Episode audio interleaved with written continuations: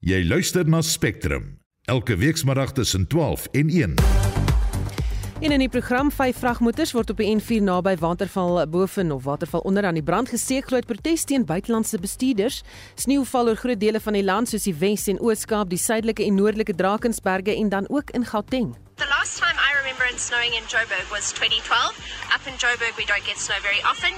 You get about 8 to 10 snowfalls in Lesotho each year. En 'n billie van 'n bonsmarabil breek 'n prysrekord. You said the British trying to get a 4.4, 4.4 million, the British trying to get a 4.4. Folks, we're delivering all day here. You don't get opportunities like this. You seriously don't. It comes around once in a lifetime. We have 4.4 million there, folks.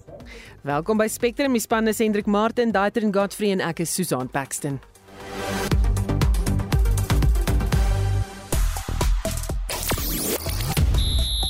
Heel wat veranderinge word verwag aan die bokspan vir Saterdag se rugby kampioenskap toets teen die All Blacks en Banyana Banyana en die kaptein Refilwe Jani mik hoog by die vroue wêreldbeker toernooi. Ek is Shaun Schuster vir RSG Sport. Koue weer word reg oor die land ervaar. In Johannesburg het dit gesneeu vroeër. Hoe lyk die weer daar by jou?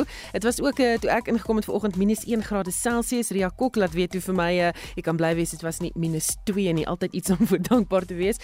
Stuur 'n SMS na 45889 teen R1.50 per boodskap. Jy kan ook op RSC se Facebook bladsy saampraat. Jy luister na Spectrum elke weekmiddag tussen 12 en 1.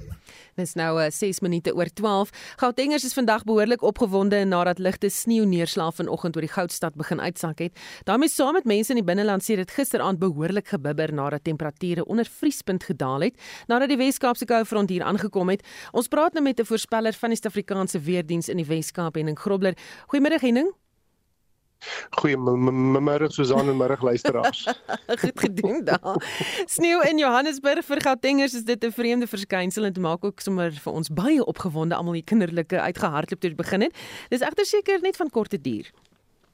Ja, wat Susan, ek dink daar was nou vanoggend nog 'n bietjie sneeu uh, wat voorgekom het en dan later vandag sal daar nog sneeu wat ons verwag om voor te kom hierso oor Gauteng, die oostelike gedeeltes van Gauteng, Heidelberg en dan ook hier oor uh, die Vosloorus area. Uh, dan kan dit dalk so 'n bietjie uitbrei daar na die hoofveld van Mpumalanga en Skar ook die platoorrand van Mpumalanga. So daar's nog 'n bietjie sneeu wat verwag kan word, maar is baie vinnig aan die opklaar, maar is sommer bitterkoud daar buitekant.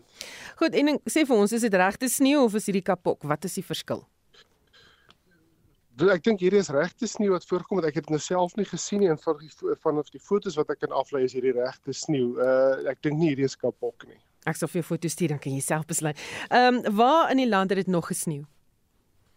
Uh ons het met hierdie koue front wat deur beweeg het hier in die Wes-Kaap se hoogliggende deel Sutherland het 'n bietjie sneeu gekry. Ons hoogliggende berggedeeltes het uh op die pieke was daar bietjie sneeu en ek dink daar in die Oos-Kaap het dit ook gesneeu asook dan daar oor Lesotho. Daar op die oomblik is nog lekker bewolk in daai areas. Ons kan nou nie sien onder hierdie wolke op ons satellietbeelde of daar wel sneeu voorkom nie, maar ek dink dit kan nie anders te wees nie. So dit het nogal wyd voorgekom, maar dit was nie ontwrigtende sneeu gewees nie. Ek dink die die groot gedeelte van hierdie koue front of of die ding van die koue front was die koue toestande wat ingestoot het. En sê vir my, was gisteraand een van die koudste nagte hierdie winter oral in die land? O ja, Ek dink uh, ver oggend was een van ons koudste oggende gewees vir vir hierdie seisoen sover en môreoggend dink ek gaan ook nie 'n uitsondering wees nie. Ons maksimum temperature is heel laag en dan verwag ons dat dit gaan skoonmaak oor nag, windstil aand en dan kan dit môreoggend 'n baie koue oggend wees met temperature wat heelwat wat baie laag gaan wees vir al die onder 0 uh, grade onder die meeste gedeeltes. Uh, nou kom ons uh, terwyl as ons 'n tydjie het, kan ons gou kyk na 'n paar plekke wat ver oggend koud was temperature gewys. Susan, hoe lyk dit? Ja, nee, asseblief sê vir ons hoe laag was dit? OK, kom ons raak aan die plekke wat almal on -3 en onder was. En ons begin in Gauteng vanoggend -4 daar by die lughawe Johannesburg Internasionale Lughawe en dan 'n -3 in Johannesburg by die Botaniese Tuine. Dan in Mpumalanga was dit nie so erg nie. Ons het 'n -3 by Witbank gekry. Uh dan in Limpopo, hulle temperatuur die koudste was -1 by Warmbad. Nou dis nogal koel cool vir uh, vir Warmbad. In die Noordwes provinsie -3 by Potchefstroom, -3.5 by Ottosdal en dan Vryburg het hom gedraai op 'n -6 vanmôre.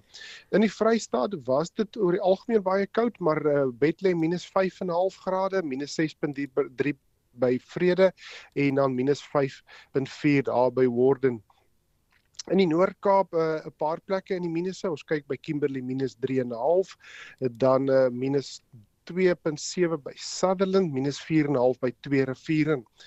Dan die Weskaap uh, is nie te vreeslik nie, maar vir ons was dit nou bitterkoud, maar baie by Ceres minus 2 grade gewees. En as ons dan Oos-Kaap se kant toe gaan, ongelukkig lekker bewolk daar oornag, dit was nog nie so bitterkoud nie. Ek dink hulle gaan môre oggend brul, maar nie min uh, nietemin Buffelsfontein op minus 3.1 môre vir oggend en Baaklie Oos op 3 minus 3 grade. En dan laaste KwaZulu-Natal ook nog lekker bewolk nie vreeslik koud daar nie. Ons het net by Royal Nasionale Park minus 3 grade. So oor die algemeen was dit maar 'n koue oggend. Hmm. is hierdie koue front van korte duur Ja, Susan, soos ek nou gesê het, ek dink hy begin al reeds van môre af opklaar. Ons het uh, nog koue toestande wat vandag en môre gaan voortduur. Dan gaan die hoog begin uh domineer oor die binneland en dan het ons mooi weer toestande wat vir die res van die week gaan voortduur met temperature wat geleidelik gaan herstel. Ek dink ons maksimum temperature kan weer gaan tot die hoë 10s in tot in die laat 20s, maar 'n minimum temperature sal so rukkie vat voor hulle weer normaliseer. So 'n paar koue oggende wat dan nog vir ons voorlê. Baie dankie het gepraat met Henning Grobler, voorspeller eh, van die Suid-Afrikaanse Weerdiens in die Wes-Kaap. Die strafregprokureur Ulrich Roos se firma verteenwoordig 3 van die slagoffers van die Bloulig Brigade aanval op die N1 in Johannesburg. 'n Saak van aanranding teen die beamptes is by die polisie ingedien. Rood vroeër met die SAIK gepraat. Our normal Labour Relations Act is applicable to the police as well. So they've been suspended with immediate effect on the face of wrongdoing. And we have also been contacted by the VIP Protection Services Unit, who are now conducting an internal investigation into the matter in order to, um, you know, investigate the actions of these eight police officers. You know, they will then make a finding and then take further steps from there. Ian Cameron van Action Society sê hulle sal nie laat die storie 'n stille dood sterf nie. Ons sal ook voortgaan om die strafproses te monitor om te kyk hoe ons die slagoffers kan bystaan en natuurlik ook met die siviele proses wat nog gaan volg. Ons sal later hierdie week meer daaroor kommunikeer wat die militêre inmenging betref, gaan ons baie sterk daarteen optree in die komende week indien dit weer sou gebeur. Ons het dit al reeds aan die groot klok gehang dat daar dreigemente vanuit 'n militêre oogpunt is om hierdie slagoffers stil te maak en ons voel dat politiek definitief nie swaarder moet weeg as onskuldige landsburgers se veiligheid nie. Intussen het 'n sekuriteitskonsultant wat die opname van die aanranding op sy Facebookblad gedeel het, doodsdreigemente ontvang. Hierdie persoon genaamd Anton Koen wat 'n eks-polisiebeampte is en 'n baie sterk rol speel in die privaat sekuriteit industrie veral in Gauteng dat daar met hom stappe geneem sou word. Hulle sê in Engels we will deal with you en die dreigement wat hy gekry het per SMS. Natuurlik sê dit ook dat hy nou kamstig klomp vyande in spesialis of gespesialiseerde eenhede gemaak het. Dis absoluut te snerd. Hierdie beamptes moenie durf ons nou ek noem hulle nou self beamptes maar hierdie boewe moenie durf om hulle self lede van spesialis eenhede of gespesialiseerde eenhede te noem nie. Dit is glad nie wat hulle is nie. Hulle is kriminele en hulle moet dien ooreenkomstig hanteer word. So ek dink hulle gee 'n slegte naam vir die goeie mense wat nog 'n uniform dra of wat in gespesialiseerde eenhede is. En ek dink dit is krities dat daar opgetree word en ondersoek ingestel word om seker te maak dat wie ook al hierdie dreigemente stuur nie weer so geleentheid kry nie. Ian Cameron van Action Society. Ek is Justin Kennedy vir SI Garnis. Die jaarlikse NAVO-beraad vind môre en Woensdag in Litouwe se hoofstad Vilnius plaas. Daar's gewigtige sake op die agenda, onder meer die aansoek om lidmaatskap deur Swede en Oekraïne en die voortsleepende oorlog in Oekraïne en die VSA se voorsiening van trosbomme aan die land. Die BBC se verslaggewer, John Beaver, berig uit Litouwe. Support for Ukraine is unwavering, says NATO Secretary General, but Ukraine's military commanders have said that they urgently need more weapons and ammunition to support their counteroffensive. How much NATO countries spend on defence is also on the agenda. Only 11 of the 31 members currently spend the long held target of 2% of GDP on their military. And the expansion of NATO is likely to make most of the headlines. Finland has recently joined an important new ally with a Russian border that's more than 800 miles long. Sweden's membership, though, is being held up by a reluctant Turkey who accuse Stockholm of harbouring militants that they and others consider to be terrorists. When to allow Ukraine to join the bloc is also dividing opinion. Some want an immediate pathway as soon as fighting with Russia ends. Others are more cautious and say Ukraine still has membership criteria to fulfill, as well as not wanting to further provoke or antagonise Moscow. En dit was John Beaver van die BBC. Ons praat nou hier oor met professor Abel Estreise van die Universiteit Stellenbosch se uh, fakulteit Krygskunde. Goeiemiddag Abel. Goeiemôre Susan.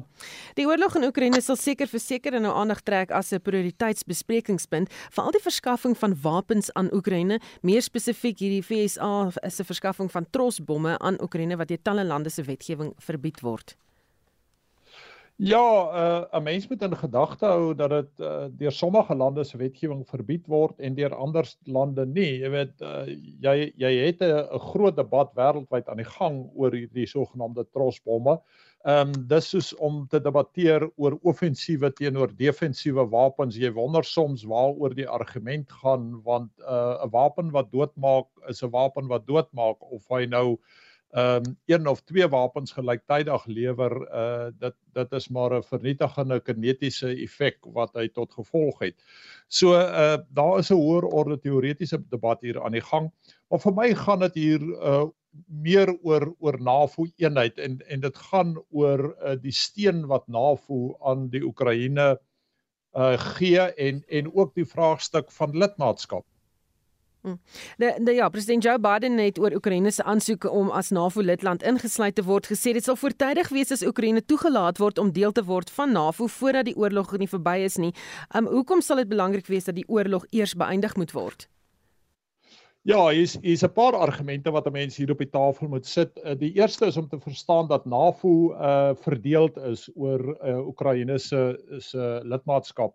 Ehm um, die eerste generasie lidlande van NAVO uh onder leiding van die FSA hoofsaaklik is baie versigtig want hulle fokus is op Rusland se kernarsenaal en hulle is baie versigtig om Rusland 'n uh, tipe van rede te gee om om sy kernarsenaal uh, aggressief te begin gebruik.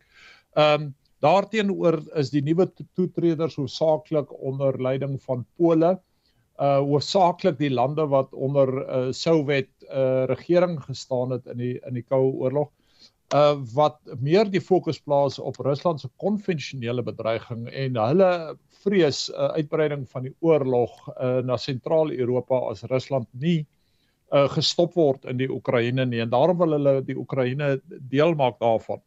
Maar ek dink daar's 3 aspekte hier te sprake. Die eerste is die artikel 5 van van NAVO grondwet uh wat 'n direkte konflik met Rusland op die tafel plaas uh indien uh Oekraïne sou uh lid word. Ek dink dis 'n dis 'n probleem vir vir NAVO.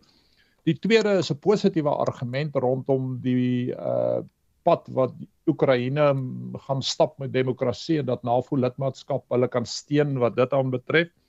En dan is daar die groot vraagstuk of die NAVO lidmaatskap Rusland gaan aanspoor om die oorlog verder uit te uit te rek en of 'n uh, NAVO lidmaatskap uh tot 'n 'n 'n beëindiging van die oorlog gaan lei en daar's vrese dat sou hulle NAVO lidmaatskap uitstel tot kom ons sê die oorlog tot 'n einde gebring is dit juis Rusland daarvan gaan weerhou om om te soek na 'n uh, vredes vredesoplossing. Hmm. Watter ander belangrike kwessies sal tydens vanjaar se NAVO beraad bespreek word? Ja, die die lidmaatskap van van Swede dink ek dink ek is 'n baie belangrike aangeleentheid. Ehm um, dis baie interessant om te sien dat die afgelope week, uh 2 weke na die die uh verkiesing in Turkye, uh Turkye ietwat van 'n rigtingaanpassing en 'n koersaanpassing gemaak het in sy uitsprake teenoor Rusland die afgelope week gesê dat hy ehm um, die die veiligheid van skepe uh, in die Swartsee gaan waarborg eintlik 'n halfe 'n uh, uh, uh, waarskuwing aan Rusland ge, gelig het. Ehm um, natuurlik die die die moontlikheid van onderhandelinge dink ek gaan ernstig sprake kom. En dan die belangrike faktor wat maar altyd 'n 'n moeilike aspek is binne NAVO is die begroting uh en die verdedigingsbydraes uh tot NAVO. Uh ons sal uh, onthou dat Trump dit baie baie sterk op die voorgrond geplaas het en in sy ongemak uitgespreek het rondom sy Europese bondgenote wat nie uh hulle bydraes maak nie of na behore bydra nie.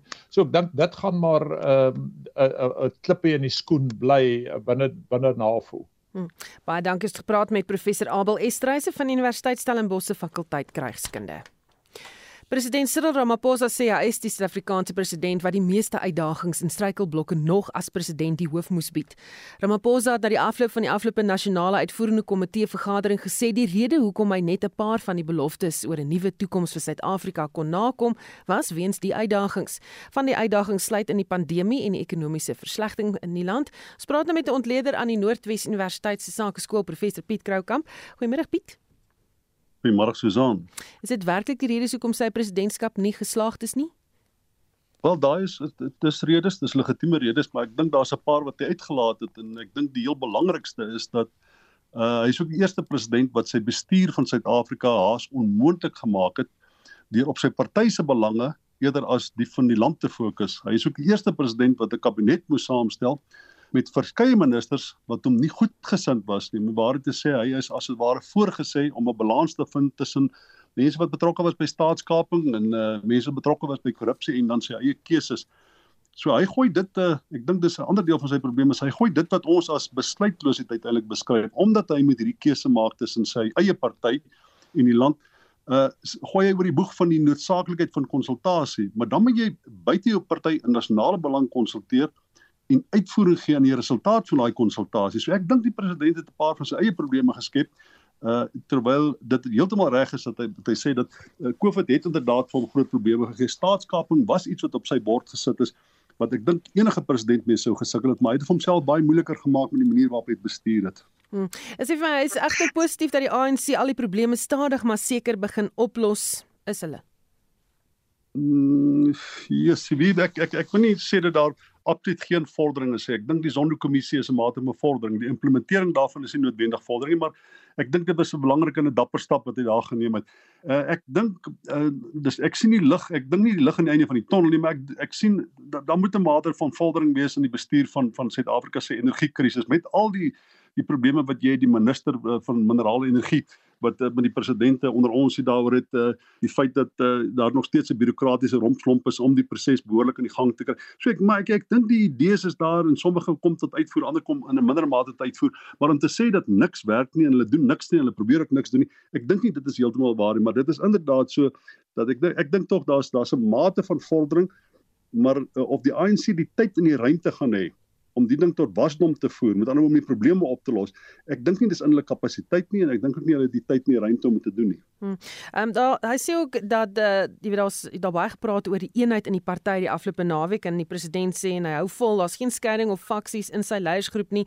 Is dit waar? Nee, dit moet so ons weet mos dit is nie waar nie. Paul Masatiel het ons hierdie week vertel dat dit nie waar is nie. Uh en uh, ons weet dat uh, die minister van mineraal mineraal en energie sake via uh, die by monde van uh, Fikile en Balula vir ons hierdie week gesê het dis nie heeltemal waar nie. Ons on, ons weet dat daar nog steeds faksies is, dat nog steeds stryde teenstrydige belange in sy kabinet is. Uh en ons weet dat daar teenstrydige belange binne die ANC is. Daar is nie konsensus binne die ANC oor wat die regte pad is en veral nie hoe om met die verlede om te gaan. Met ander woorde dit wat verkeerd gegaan het uh, veral sedert uh, uh, uh, Jacob Zuma se administrasie nie. En waarop stuur hierdie af? Ehm, um, jy moet nie moeilike vrae vra asseblief is aan maak dit vir my maklik. Ek daar's daar's niks so groot sonde wat 'n politieke ontleder kan doen as met 'n kristalbal te kyk nie. Ek dink uiteindelik sal ons van die ANC ontslaa moet raak omdat ons geen keuse het nie. En ek dink dit uh, ons kan by die punt kom onthou ek het al baie keer gesê in die laaste verkiesing het net 12% Suid-Afrikaners wat mag stem vir die ANC gestem. Dis 'n massiewe mosie van wantroue. Uh, as die uh, oppositie partye op 'n of ander manier hulle daks in 'n rou kry soos die Engelse sê of is daar 'n nuwe verskynsel kom van nuwe politieke bestuur so wat iets so sinema soos Rise Mzansi dink ek tog op die einde sal die ANC lank voor hulle hierdie probleme opgelos het ontwortel word in die politiek van Suid-Afrika. Baie dankie. Dit was 'n ontleder aan die Noordwes Universiteit se Sakeskool professor Piet Kroukamp. Die Europese Unie het nuwe regulasies ingestel oor die vals koddeling mot en sitrus swartvlek. Dit kan 'n enorme impak op Suid-Afrika se sitrus uitvoere hê. En vir meer hieroor praat ons nou met Dion Joubert, die Sitruskwekersvereniging se gesant vir marktoegang tot Europa. Goeiemôre Dion. Goeiemôre mens, hoe gaan met jou? Met my gaan dit goed, maar wat behels die nuwe regulasies? dan positief wees ook oor die goed. Luister man, nee, uh, Suid-Afrika voerskei laaste bietjie meer as 100 jaar Europa toe uit en enige land is mos nou geregtig binne die konteks van plantgesonde gesondheid om na sy eie gesondheidssituasie te kyk en sê ons wil nie daai tipe ehm um, kom ek sê peste hê nie. Maar die die probleem is is dat jy moet konsekwent optree, jy moet dan goeie data agter jou self hê en die maatreëls wat Europa nou ingestel het, eerstens geen wetenskaplike grond nie en tweede daar's geen data om te sê dat daar 'n probleem is nie. So, so dis wat ons basies oor kla of waar is ongelukkig is. Die uh, die een wat onder bespreking nou is is mod. False coding mod ehm um, is 'n verklaarbare pes die laaste 3 jaar in Europa.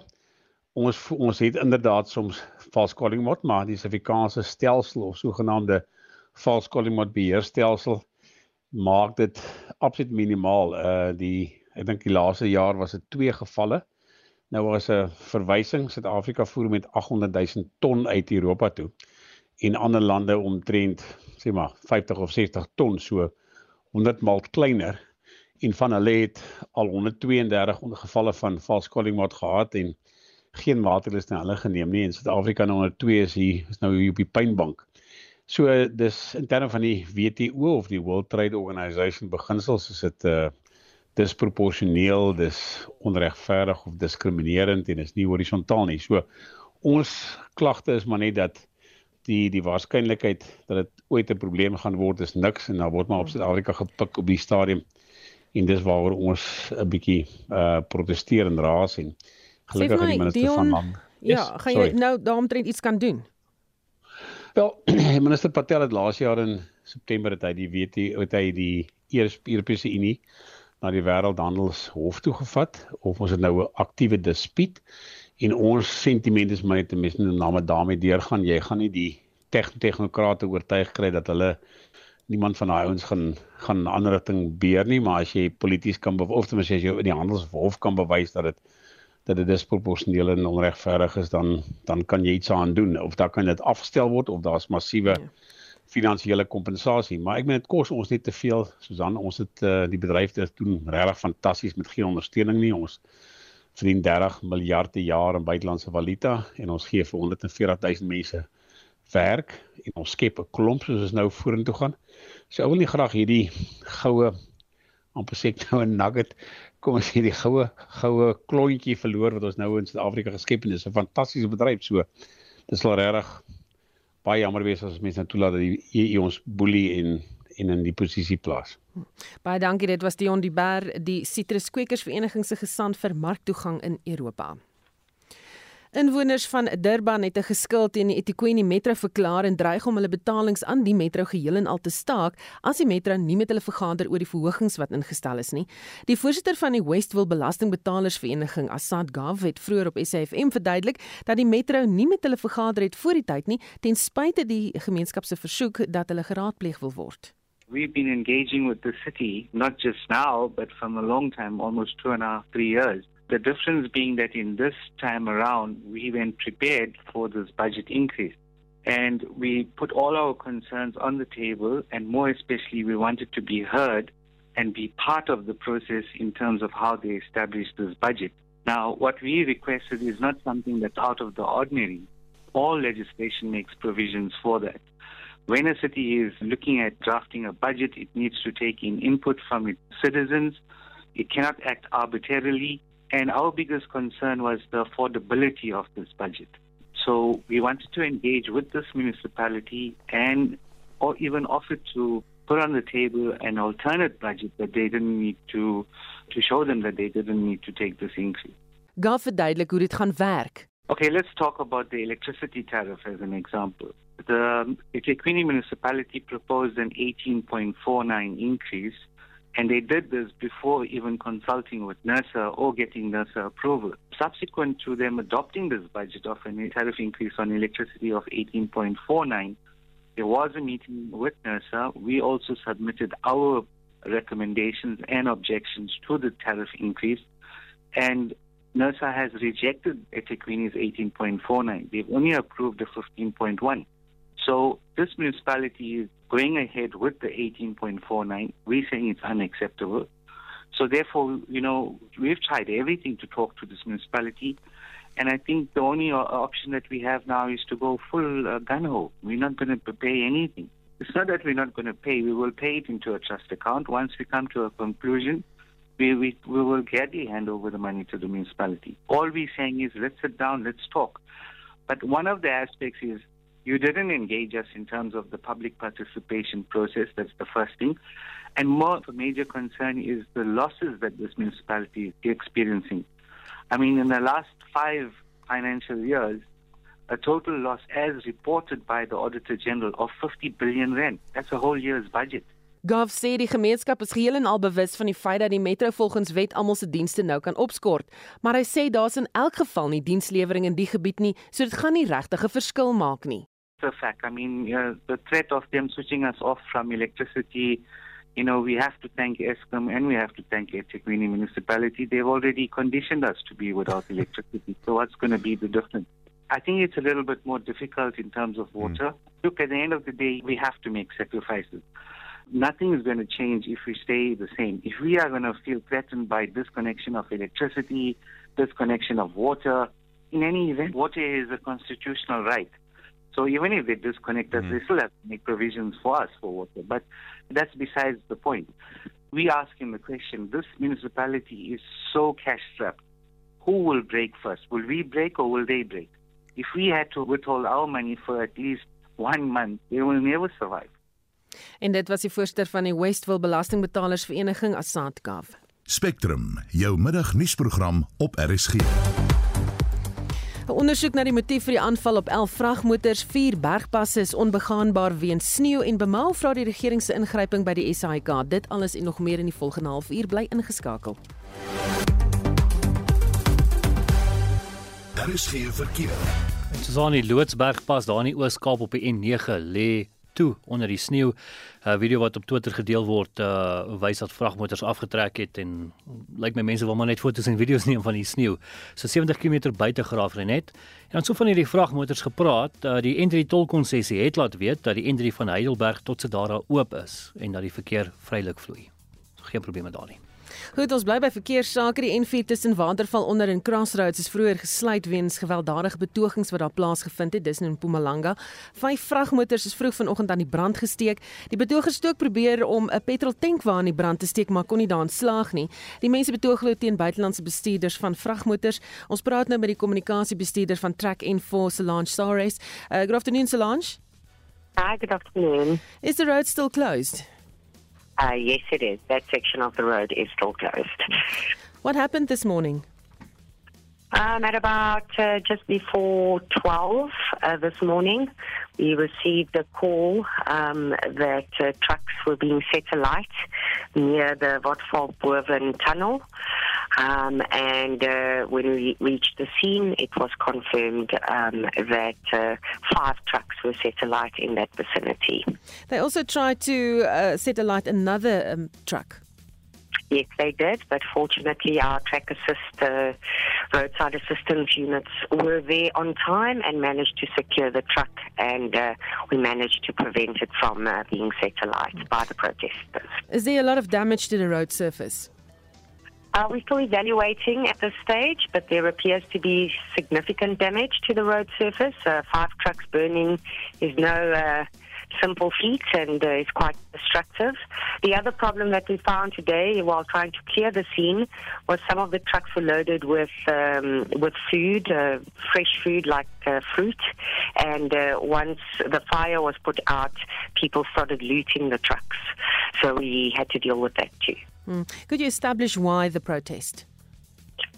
Well, we're not really law enforcement. Well, we're not law enforcement, mm-hmm. so we can't confirm. Uh, but from the scene, uh, it's alleged that the protests were due to um, against uh, foreign truck drivers uh, being employed by South African truck companies. Mm. Any idea when the road will open again? Uh, we wish it was already open very honest, um, no, no idea at this stage. There's also um, some some elements of well, some of the stuff that was in the truck um, keeps catching alight. We're not sure at the moment what what those materials are. So every time we extinguish some of the fires, they they start you know, they reignite. So um, it's one of the other reasons that we keep having uh, to delay the opening of the road. But I think it's it's important to note that the, the road closure is not uh, creating traffic backlogs. Uh, fortunately, where this incident happened, there is an alternative route which we also manage, um, and that's the Skumanskloof um, Road, uh, which is managed by the Track and Four. So um, road users are being a, are being diverted through that route. Um, in other words, traffic is flowing. Baie dankie. Dit was die kommunikasiebestuurder van Track and Four, Solange Soares.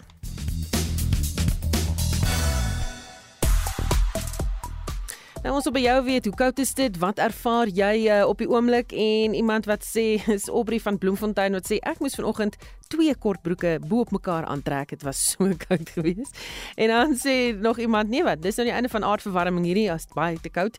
En dan sê nog 'n luisteraar, dat tans een van die koudste dae in Wenen en KwaZulu-Natal, die wind waai toegetrek sonder reën maar uh, sneeu. Uh, Oral lyk dit vir my en dan Frankfurt, uh, 8 voormiddag 5 en 'n half grade en Wellington vanoggend 3 grade Celsius. Jy kan steeds saamgesels of ons vertel wat gaan aan daar by jou. Hoe koud is dit? Sneeu dit? Wat uh, ervaar jy? 45889 onthou SMS se kos R1.50 op of op die RSG Facebookblad. Nou die naweek eh, se kragmeting in Nieu-Seeland tussen die All Blacks en die Springbokke het uh, veroorsaak groot opwinding en almal sien daarna uit. Ons praat nou met Shaun Jooste daaroor. Shaun, wat is die jongste van die Bok perspektief af? Uh, Goeiemôre Susan. Ja, heidaglik lyk dit asof die slot Eben Etzebeth die span sal aanvoer na word natuurlik heel wat verandering verwag soos jy sê. Faf de Klerk en Damian Willems kan moontlik die skakelpaar wees met Damian Dalende en Jesse Kriel die uh, op die senterposisies. Nou Jesslyn Colby word ook terug verwag en hy kan ook natuurlik uithelp met stelskoppe indien dit nodig sou wees. Nou die bokspan word môreoggend rondom 9uur bekend gemaak en dan die toets skop Saterdagoggend 5 oor 9 Suid-Afrikaanse tyd af en die toets is ook reeds uitverkoop. Die Banyana Banyana kaptein stel hoë doelwitte vir die span by die Vroue Wêreldbeker wat oor 10 dae in Australië en Nieu-Seeland eh, begin. Ja, Rafael Wajane sê die uh, doelwit vir die span is om die uitklopfase te haal. Nou uh, Banyana Banyana Banyana is in groep G saam met Swede wat wêreldnommer 3 is. Italië is 18de en dan Argentinië 28ste en Suid-Afrika is 54ste in die wêreld. Nou hulle begin hulle veldtog op 23 Junie teen Swede.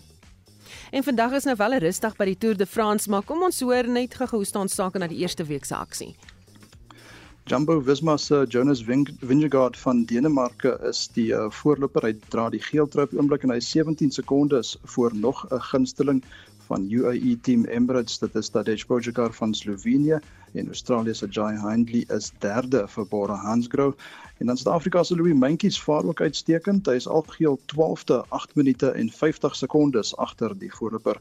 En Susan, die tweede en laaste week van Wimbledon 2023 begin vandag en ons sluit nou by Pieter van den Berg aan vir die jongste nuus. Ja, sê baie dankie Shaun, hartlik goeiemiddag ook aan ons luisteraars. Ja, dit is soos hy sê week 2, Shaun, jy's reg.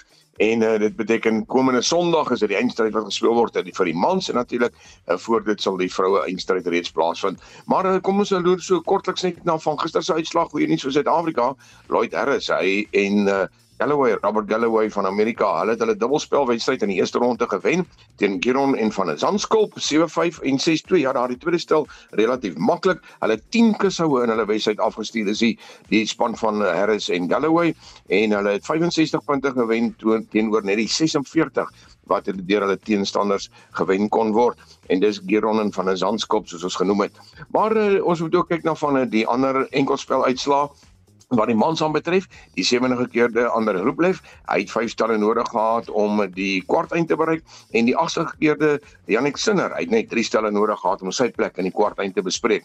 Dan wat die vroue aanbetref, ook vierde ronde wedstryde, uh, Iga Swiatek, kan jy glo sy het uh, twee wedstrydpunte moes afweer om haar plek vir die eerste keer in die kwarteind te bespreek. Sy het in 3 stelle by Belinda Bencic afgereken en dan Jessica Pegula, sy is ook deur die vierde gekeerde met 'n maklike oorwinning oor Tsurenko. Wat vandag aan betref Dit is spel wat op die hoofbaan eers om 0:30 Suid-Afrikaanse tyd begin en ons sien daar dat uh, Novak Djokovic die tweede gekeerde gaan sy wedstryd voltooi. Dit het te laat geraak gisterand. Hy speel teen Hurkacz van Pole en dit is 7-6 en 7-6 die eerste en tweede stelle aan Novak Djokovic.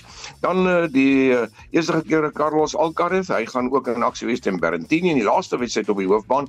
Voor dit sal ons gebeur die 60 gekeerde teen die 90 gekeerde Petra Kvitova speel. Dan op uh, baan nommer 1 spel begin bietjie vroeër jaar, Daniel Medvedev die 30 keerde, hy sal eerste in aksie wees, dan Arina Sabalenka, gevolg deur Holger Rune die 60 keerde van Denemarke teen Grigor Dimitrov van Bulgarië die 21ste keerde. Nou spel het reeds begin uh so 'n halfuur net meer as 'n halfuur gelede op baan nommer 2 en die eerste stel daar is deur Andriva gewen sy te Madison Keys. Daar met 6-3 oor hom in die eerste stel uh, Keys 25ste keer en uh, Andriva ongekeer vir die toernooi en dis 0 elk in die tweede stel. Ons moet ook dalk net noem dat uh, belang vir Suid-Afrika op baan nommer 12 die tweede wedstryd na die huidige vroue dubbelspelwedstryd wat aan die gang is is dit Lloyd Harris en Galloway wat ons vroeër van gepraat het. Hulle gaan teen Doudig en Krajicek speel die tweede gekeerde paar. So daardie wedstryd begin. So behoort so oor net meer as 'n uur uur en 'n half te begin. En ons sal ons luisteraars gereeld op hoogte hou van gebeure. John Susan dis is die nuus wat Wimbledon is dag 8 aanbetref. Ek gesels net na 2 uur weer. Dit sal saam met Martelies wees in 3 60, maar daarmee is terug aan julle in die Spectrum Ateljee in Johannesburg. Dankie en dit was Pieter van der Berg met die jongste nuus van Wimbledon. Spectrum, jou middagnuusprogram op RSG. 'n Bonsmara bil is die afgelope naweek teen 'n rekordprys van 4,4 miljoen rand opgeveil. Die rekordprys is opgestel tydens Up George se 25ste produksieveiling. Die koper Christof Smit van Sebatia Bonsmara is op die lyn. Ons praat nou met hom. Goeiemôre Christof. Goeiemôre Susan. So, voor ons by hierdie prys uitkom, vertel ons eers weer wat is 'n Bonsmara en waarom jy met hulle boer? Jong, dit is die ras met die uh, beste prestasietoetsing ehm um, wat in Suid-Afrika gedoen word, asook die grootste ras in Suid-Afrika. Ons maras is gesog in die Suid-Afrikaanse voerkraalbedryf van waar nagenoeg 75% van Suid-Afrika se vleis kom. So die ras is likwid en daar is 'n groot mark vir hulle. Met ander woorde, dit is 'n uitstekende belegging wat oor tyd homself al bewys het. En sê vir my, ehm um, jy het 4,4 miljoen rand betaal vir hierdie bil. Waarom is hy so veel werd? As jy 'n stoetbonds marateeler is in Suid-Afrika, sou jy beslis die bil raak gesien het. Die bil is baie korrek wat bouvorm en tipe aanbetref met 'n uitsonderlike kop en bek met 'n baie mooi los vel. Ons by Sebatia Bonsmara streef daarna om die beste moontlike genetika te bekom en het daarom ons huiswerk goed gedoen voor ons besluit het om die bil te koop. En sê vir my, wat gaan julle nou met hierdie bil maak? Ja. Ons gaan op die stadium uh, gaan die bil natuurlik moet hy begin werk en uh, ons het planne om 'n uh, klomp in vitro embryos met die bil te doen wat ons kan oorplaas in ons kommersiële kudde en uh, om soveel as moontlik hierdie genetika te kan vermeerder. En dan jy ook 'n produksieveiling op die 11de Augustus watter rekords gaan daar verbeter word. ja, ons kan maar net duim vashou dat dit ook sal goed gaan. Ehm um, die die veiling is uh, die 11de op die plaas Smalle Pad uh, op Rutan uh, op die Springbok vlakte. Daar gaan ons aanbied 40 stoetbulle, 20 stoet vroulike kommersiële diere en 150 kommersiële diere. Die mense kan gerus gaan kyk op ons webwerf na bonsmaragenetics.co.za. Baie dankie, dit was Christo Smit van Sebatia Bonsmara in Marble Hall. Die parlement se staande komitee oor openbare rekeninge het owerhede skerp gekritiseer vir hulle gesloer met die hervestiging van onwettige besetters op die sentrale spoorlyn op die Kaapse vlakte. Inwoners van Langa, Nyanga en Philippi het tydens die COVID-19 pandemie woonstrukture op en langs die spoorlyn opgerig en gevolglik is die treindiens vir maande lank opgeskort. Rolspelers soos die passasierspooragentskap, die Kaapse Metro en die behuising en vervoerdepartemente het onlangs voor die komitee verskyn, Zalien Merrington berig. Lede van die komitee, soos die voorsitter Mkoleko Hlengwa, was glad nie gelukkig met die gebrek aan vordering om mense van die treinspoor af te kry nie. Find what works. Right? So it's not section 68. Find Section 1000. Find something. Find something. Go into that room and find what works. Unless you are saying there's no provision anywhere in law, then say that. Find what works and make it work. Go and debate these numbers there. Come here with a roadmap and solutions and a response for the people and for the railway line. Die kwessie wat die verskywing belemmer om gepaste grond te identifiseer en gevolglike diensverskaffing. Volgens die adjunkminister van vervoer, Lisa Mangu, is dit die verantwoordelikheid van die stad Kaapstad. We find a very uncomfortable reluctance from the city of Cape Town, from our point of view at least, to cooperate in assisting in resolving this issue. The city is very critical because it's not just a matter of getting land. Even if we're to get land, for instance, from public works, but the city is the one which needs to roll out bulk infrastructure, services, and so forth. So without the city's utmost 100% commitment and support, we can do everything we want to do. We will fail. And that to us is a major challenge. Maar die stad se adjunk burgemeester Eddie Andrews sê die stad wag vir die regte papierwerk om dienste te kan lewer vir grond wat geïdentifiseer is in Eerste Rivier, Makassar en Philippi. The city can only provide services when land has been acquired. And of course, there's a proper implementation plan. Then we can provide the services. And in absence of application, we can't provide the service just as of yet. So we remain committed to provide services once the land has been acquired. And one, of course, we've identified uh, how many of the unlawful occupiers we're able to accommodate on any one of those three sites. Die hoofuitvoerende beampte van die spoorpassasiersagentskap, Hisham Emran, het weer herhaal dat indien die verskywing nie plaasvind nie, kan die spoorlyn nie open word voor die finansiële jaar eindig nie. The Central Line makes up more than 40% of rail commuter travel within the city and certainly the last 3 to 4 years without having this this corridor has had a significant impact on the transport and the movement within the city. Lengua het die gebrek aan samewerking tussen alle rolspelers betreur. I'm sitting here and I'm listening to fragmentation, disjointedness and a lack of cooperation. Leading me to no other conclusion other than to say that you have all failed in the implementation of the protocol. You have failed. You are assigned the responsibilities to create a sense of cohesion in what needs to be done all I'm hearing here is if you do this, if you do that, if you do that. I'm not getting a sense of if we do it. Dit was skoor voorsitter Mkoleko Hlengwa, Zelin Merrington, Parlement. Dit is Mandela Maand en die staatsman het eendag gesê omgewingsbewaring is gemik op die verlede en die toekoms om te verseker dat ons erfenis die nageslag bevoordeel. Die Trust vir Wilde Voëls se Kaapse Papegaai projek glo om die geelheidboom, Suid-Afrika se nasionale boom en die Kaapse Papegaai 2023 se voël van die jaar te beskerm, sal 'n betekenisvolle manier wees om Mandela Maand te vier. Ons praat nou hieroor met die projekbestuurder by die Trust vir Wilde Voëls, Susan Wishart. Goeiemôre Susan. Hallo. Wat is die Kaapse papegaai projek? OK, ons het 'n projek wat aan um, besig is met die Kaapse papegaai wat ons uh, krities bedreigde uh, spesies is.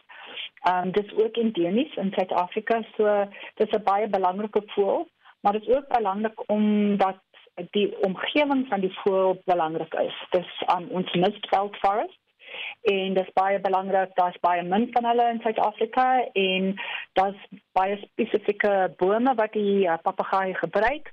So ons is besig met die papegaai um navorsing met die navorsing oor die omgewing en dan ons werk ook met gemeenskappe om ons omgewing omgewinge te herstel.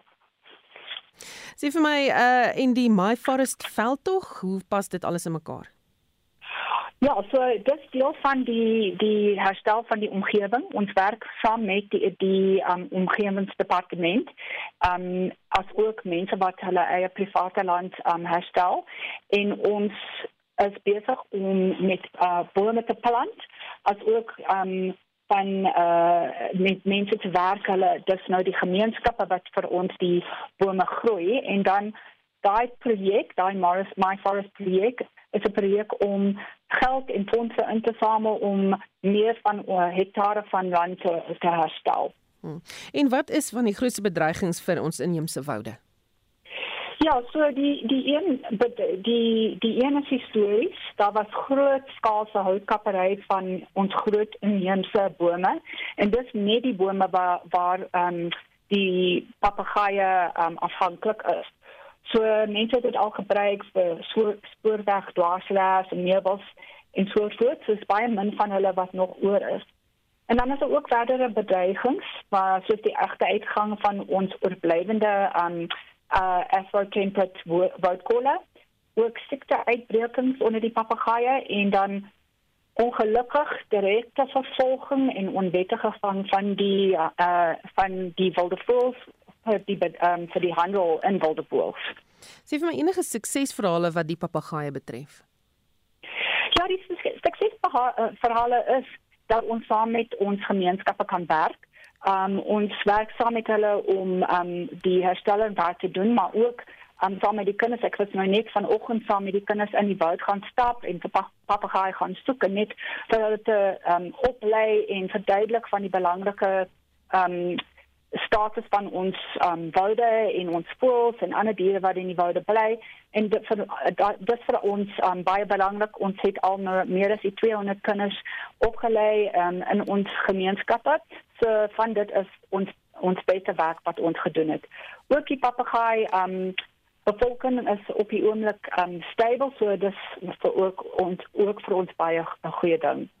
Sê vir my, hoe kan die My Forest veld tog plaaslike gemeenskappe bevoordeel? Dat die die mees direkte manier is wat ek nou net gesê het want ons uh, het um met die gemeenskappe gewerk en um hulle opgelei hoe om veilings te groei. En sodra die veilings groot genoeg is koop ons dan terug van die mense in die nabyse gemeenskappe wat nie werk het nie, maar die werk kan doen en ons aankoop dit terug en dan plant ons dit in die die woude waar ons werk. So dis baie direk as mense saam met ons kan werk en vir ons kan help om daai bome van die mense te verkoop, dan kan ons um, die woude rondom die gemeenskappe weer herstel. Baie dankie, dit was die projekbestuurder by die Trust vir Wilde Voël Susan Wishart. Die beskikbare elektrisiteit in Suid-Afrika het tot 60% verbeter. Die minister van elektrisiteit, Gotsiento Ramagopa, sê dit is omdat meer eenhede by Eskom se kragstasies beskikbaar is en omdat beplande instandhouding tot sowat 2500 megawatt beperk word. Ramagopa het die media in Pretoria toegespreek oor die stand van die land se elektrisiteitsnetwerk, asook die werk wat die afgelope jaar gedoen is. Hy sê nog 'n rede hoekom daar meer krag beskikbaar is, is omdat winderige toestande in kusgebiede windkrag verbeter het. Dit het bygedra om die behoefte aan beerdkrag te verminder. So you can see that we've been able to maintain if you like that trend line. So we we are approximating that 60% energy availability factor. Of course, in megawatt terms, you can see the running average for the week that was uh, is about 28,000 272. And this is a, on account of a number of things. And what are those things? As a result of improved generation capacity, now we've got an additional space for us to do what we call a good maintenance, planned maintenance. Nog 'n verbetering is dat daar minder eenhede was wat onklaar geraak het. When we started uh, in this position when the president introduced the portfolio of the minister of electricity, we're sitting at 2000 and 900 megawatts. Almost three stages of load shedding that are locked in these outage slips. Now look at where we are. We're at 1,351 and we want to improve it. And it's a function of the expertise that are sitting with us. It's a function of us working with the original equipment manufacturers. It's a function of us understanding the units better and applying a degree of science. En dan is daar ook die tarief aansporingsmaatreël vir huiseienaars wat surplus krag aan die netwerk teruggee. Feeding tariffs just to the average person at home, what it simply means is that you install your PV, there's so much you can consume. Some, in many instances, there'll be additional or excess generation capacity. It's just sitting idle. Now we're making it possible for you to feed it back into the grid so that the South African economy can uh, benefit from your excess generation. And then we get to pay you for you giving us that excess generation. Eskom het 25 transformatorprojekte geprioritiseer wat 'n verdere 12 gigawatt elektrisiteit aan die netwerk in 2028 sal lewer. En dan sal daar ook 'n sterk fokus wees om die transmissie-infrastruktuur te verbeter. Hierdie bydra van Mpumelelo Mapalala in Johannesburg en ek is Hendrik Martin vir SAK nuus. Is dit vir ons die nuus en ontwikkelende stories dopgehou. Ons begin sommer by die opwinding van die sneeu in Gauteng. Groot opwinding het vanoggend in Johannesburg geheers toe ligte sneeuneerslae begin uitsak het en 'n voorspeller aan die Suid-Afrikaanse weerdiens in die Wes-Kaap en in Grobler sê gisterand was die koudste nag die winter in die grootste gedeeltes van die land. Sneeu word ook oor die suidelike Drakensberge en westelike dele van KwaZulu-Natal tot tot en met in Newcastle voorspel. En hier is wat lede van ons Monitor en Spectrum span en ander kleineres oor die sneeu te sê gehad het. Dit was regtig lekker om daarin te biljaar. Ons het sneeumanne gebou, klein sneeumanne gebou en ons het mekaar gegooi met sneeuballe. Ons het rustig in die kantoor gesit en werk toe iemand sê kyk, dit sneeu en ek my kop draai en buitentoe kyk, toe sien ek wragtig. Daar sneeuvlokkies. Ek het dadelik afgehardloop buitentoe en dit was net wonderlik geweest. Dit is natuurlik iets wat ons nie elke dag sien of beleef nie. Eerste keer in my lewe dat ek sneeu sien, ek sou verwag dat dit -2 was, maar dit was 3. Ek was so opgewonde. Ek voel tans nie my tone nie, maar dit was alles die moeite werd. Dit het gevoel asof ons in 'n ander land is. Die sneeu het regtig mooi gelyk en dit was regtig koud. Inwoners in Johannesburg moet onthou dat Randwater se 58 uur lange beplande wateronderbreking môre begin. Die woordvoerder van Johannesburg Water, Nombusa Shabalala, sê mense wat nog nie water in hulle huise opgegaar het nie, moet dit dringend doen. Sy verduidelik hoekom dit nodig is dat waterstelsels afgesluit moet word terwyl herstelwerk gedoen word. It's essentially to upgrade the infrastructure and also to improve its reliability and keep it functioning optimally to improve their reliability as well. Reliability is compromised when maintenance is not conducted, which then leads to unplanned shutdowns. So the shutdown is to provide a window for maintenance interventions which cannot be executed while the towers and reservoirs are operational. Nou ja, dit was Estie wat vir ons 'n oorsig gegee het van die nuus en daarmee groet die Spectrum span. My naam is Susan Paxton, bly ingeskakel op RSG.